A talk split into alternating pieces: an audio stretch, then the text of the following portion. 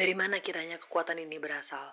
Bagaimana bisa mereka tetap terjaga, bahkan di saat sekelilingnya porak-poranda? Bagaimana anak-anak kecil di sana bisa memiliki tauhid yang kuat, jauh melampaui anak-anak seumurnya di bagian dunia yang lain, bahkan mungkin melampaui kita yang sudah berumur lebih dari seperempat abad. It's been 26 days since the Zionists commencing genocide and ethnic cleansing towards our Palestinian brothers and sisters.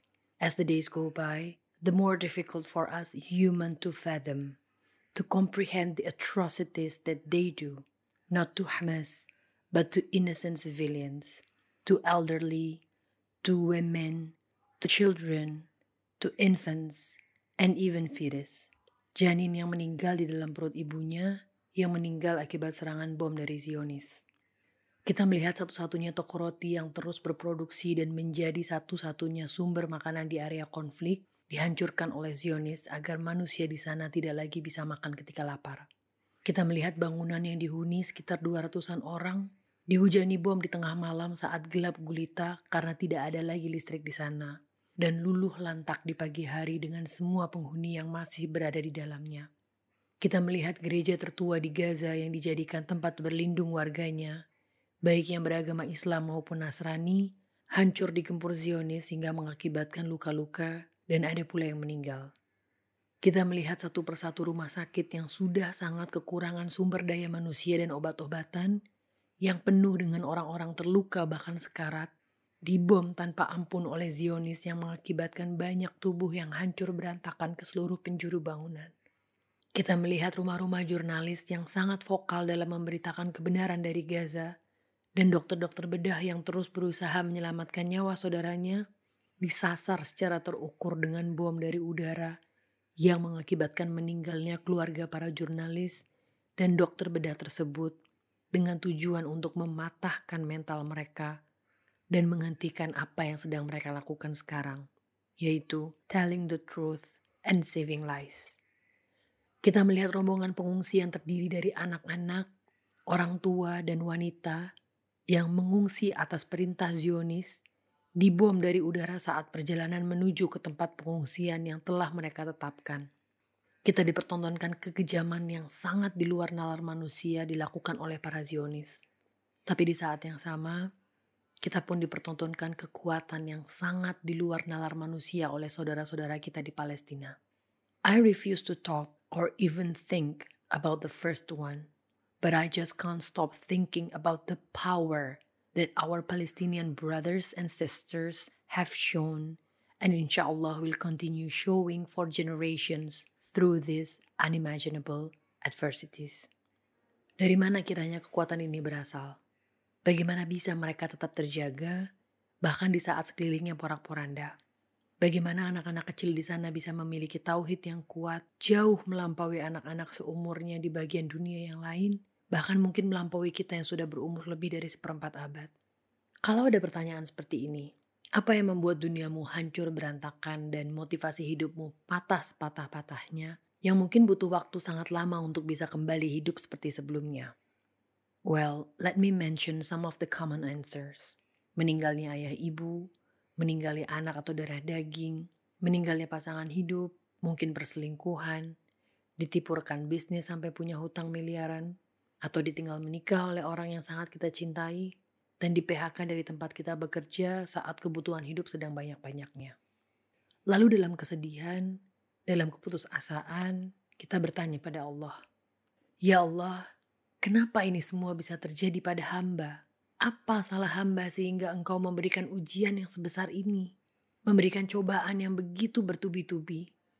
Sungguh hamba tidak kuat ya Allah. Hamba menyerah ya Allah. Guru kami Ustadz Nuzul Zikri Hafizahullah berkata, yang membuat kita hancur, yang membuat kita porak-poranda, yang membuat kita patah, bukanlah besar kecilnya ujian atau cobaan, tapi melainkan hilangnya harapan. Alhamdulillah Allah mudahkan aku untuk bisa pelan-pelan belajar. Sehingga qadarullah baru minggu lalu aku tahu bahwa ada yang namanya rukun ibadah. Rukun ibadah ini adalah basic yang harus kita miliki dalam menjalani ibadah apa pun dalam hidup kita. Supaya kita bisa menjadi seorang mukmin muwahid atau seseorang yang beribadah dengan benar dan mentauhidkan Allah. Ada tiga hal yang menjadi rukun ibadah, yaitu cinta, harapan, dan takut. Cinta membuat seorang hamba rela untuk melakukan seluruh hal yang diperintahkan dan menjauhi seluruh hal yang dilarang oleh yang dicintainya tersebut. Cinta kepada Allah juga mengharuskan kita untuk membenci segala sesuatu yang dibenci oleh Allah agar mendapatkan cinta Allah. Harapan membuat kita bertahan, sesulit apa pun ujian dan cobaan yang kita hadapi. Karena kita senantiasa berharap Allah akan menerima semua kesabaran dan keikhlasan serta menjadikannya pahala di sisi Allah. Harapan untuk bisa berjumpa dengan Allah kelak. Harapan akan diampuninya dosa-dosa. Harapan untuk dijauhkan dari neraka. Harapan diberikan kehidupan yang bahagia di dunia serta akhirat yang merupakan rahmat dan kasih sayang Allah Subhanahu wa taala. Dan yang terakhir, takut Rasa takut pada Allah akan memotivasi kita untuk rajin mencari ilmu dan beribadah kepadanya agar terbebas dari murka dan azabnya. Selain itu, rasa takut inilah juga yang dapat mencegah keinginan seseorang untuk berbuat maksiat karena ada hari pembalasan. Aku gak akan bahas rukun ibadah ini lebih jauh karena aku pun masih baru banget belajar. Tapi aku berusaha menekankan bahwa harapan itu nggak hanya sekedar kata-kata yang diucapkan oleh orang lain untuk membuat kita merasa lebih baik. Enggak. Tapi harapan dalam Islam tuh jauh lebih penting dan lebih besar dari yang mungkin selama ini kita, terutama aku bayangkan. Jadi dari mana kekuatan, ketangguhan, kegigihan saudara-saudara muslim kita di Palestina berasal? Salah satunya adalah dari harapan tadi menjalani takdir Allah apa pun bentuknya, ideal atau tidak, adalah sebuah ibadah.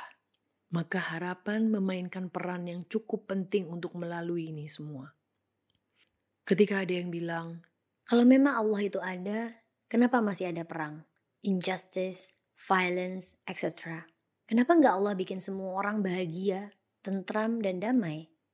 Karena memang bukan untuk itu dunia ini diciptakan. Dunia tidak diciptakan untuk kita semua bisa bersantai-santai. Muda kaya raya, tua foya-foya, mati masuk surga. Dunia itu diciptakan untuk berlelah-lelah dalam mencari ridho Allah. Dalam beribadah, dalam mengumpulkan pahala. Bahkan di saat masa kejayaan Islam sekalipun, di suatu tempat di belahan bumi yang lain, pasti ada orang yang merasa bahwa dunia ini tidak adil. Merasa dunia ini kejam Itulah kenapa Allah ciptakan kehidupan di dunia ini hanya sebentar. Sementara akhiratlah tempat kita kembali. Kehidupan seperti yang ditanyakan tadi tidak akan pernah ada di dunia, tapi adanya di surga. Sesungguhnya, orang-orang yang beriman dan mengerjakan amal-amal soleh, bagi mereka surga-surga yang penuh kenikmatan, kekal mereka di dalamnya. Sebagai janji Allah yang benar, dan dialah yang maha perkasa, lagi maha bijaksana. Quran Surat Luqman ayat 8 sampai dengan 9. Harapan tentang surga inilah yang dipegang teguh oleh saudara-saudara kita di Palestina. Mereka tahu kehidupan dunia hanya sementara. Dunia memang bukan tempat bersenang-senang. Jadi hidup harus terus berjalan. Kalaupun Allah takdirkan detik ini mereka meninggal, maka mereka berharap kelak akan ditempatkan di surga Firdausnya. Ketika ada yang bilang, katanya Allah maha adil, tapi kok yang zolim terus menindas yang baik? Maka mereka ingat. Dan janganlah sekali-kali kamu Muhammad mengira bahwa Allah lalai dari apa yang diperbuat oleh orang-orang yang zolim. Sesungguhnya Allah memberi tangguh kepada mereka sampai hari yang pada waktu itu mata mereka terbelalak. Well, let me put it this way. Dunia ibarat supermarket. Kita bisa ambil semua yang kita inginkan. Tapi saat sampai di kasir, setiap barang akan dihitung dan kita harus membayarnya. Harapan tentang yaumil hisab atau hari perhitungan itulah yang dipegang teguh oleh saudara-saudara kita di Palestina. Seseorang tidak akan beranjak sampai semua orang yang pernah dizolimi olehnya tuntas menuntut semua kezoliman yang pernah ia lakukan kepada mereka di dunia. Dan tidak akan ada yang luput sedikit pun dari perhitungan Allah. Ketika ada yang bilang, Kenapa Allah nggak bantu saudara-saudara muslim kita di Palestina? Siapa bilang Allah nggak bantu? Yang masih hidup, Allah bantu untuk bisa terus meraih pahala di hari esok. Yang meninggal pun Allah bantu untuk bisa meraih pahala syahid apabila mereka teguh berpegang pada tauhid dan akidah yang benar. Allah kuatkan hati mereka yang sedang kesulitan. Allah kuatkan iman mereka untuk tetap berharap hanya kepada Allah saat hampir seluruh dunia bersekutu untuk menghancurkan mereka. Maka mereka ingat, apakah kamu mengira bahwa kamu akan masuk surga Padahal belum datang kepadamu cobaan sebagaimana halnya orang-orang terdahulu sebelum kamu. Mereka ditimpa oleh malapetaka dan kesengsaraan, serta digoncangkan dengan bermacam-macam cobaan. Sehingga berkatalah Rasul dan orang-orang yang beriman bersamanya. Bilakah datangnya pertolongan Allah? Ingatlah, sesungguhnya pertolongan Allah itu amat dekat. Quran Surat Al-Baqarah ayat 214. Harapan tentang bantuan Allah itulah yang dipegang teguh oleh saudara-saudara kita di Palestina. Mereka yakin bahwa walaupun dunia diam dan berpaling, tapi Allah selalu melihat dan Allah selalu ada. Ketika ada yang bilang, Tuh lihat, mereka yang gak nyembah Allah aja bisa menang. Sedangkan kamu yang rajin ibadah malah kalah. Menang itu indikatornya apa? Berhasil menindas manusia yang tidak berdaya? Berhasil membungkam media dengan uang yang tidak terbatas? Atau apa?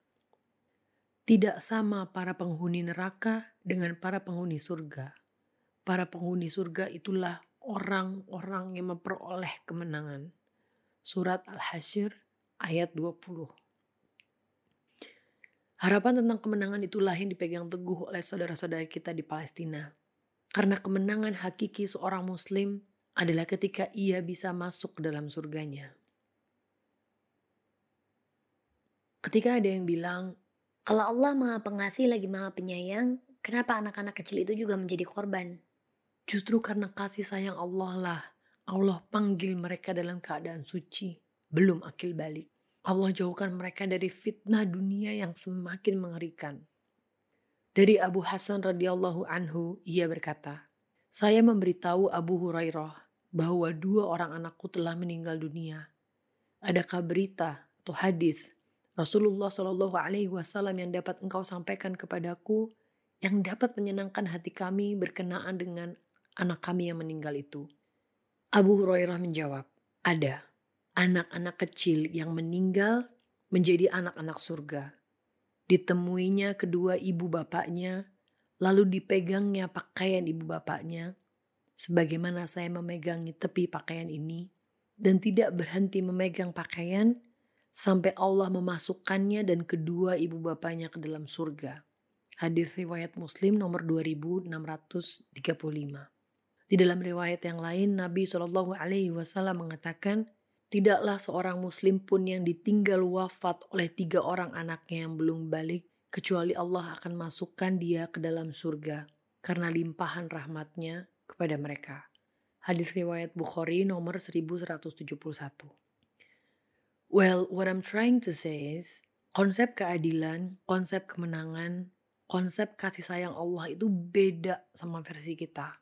Karena kemampuan kita amat sangat benar-benar terbatas sekali untuk bisa memahami maksud Allah ketika mentakdirkan sesuatu yang di luar kendali kita. Tapi Al-Quran dan hadis tidak akan pernah salah. Dan harapan tidak akan bertahan apabila digantungkan pada orang dan tempat yang salah. Harapan hanya akan bertahan apabila kita gantungkan hanya kepada Allah melalui firman-Nya serta hadis Rasul-Nya. Dan izinkan aku untuk mengingatkan diriku dulu, baru kalian tentang ayat ini. Tetapi boleh jadi kamu tidak menyenangi sesuatu, padahal itu baik bagimu, dan boleh jadi kamu menyukai sesuatu, padahal itu tidak baik bagimu. Allah mengetahui, sedangkan kamu tidak mengetahui. Quran Surat Al-Baqarah ayat 216.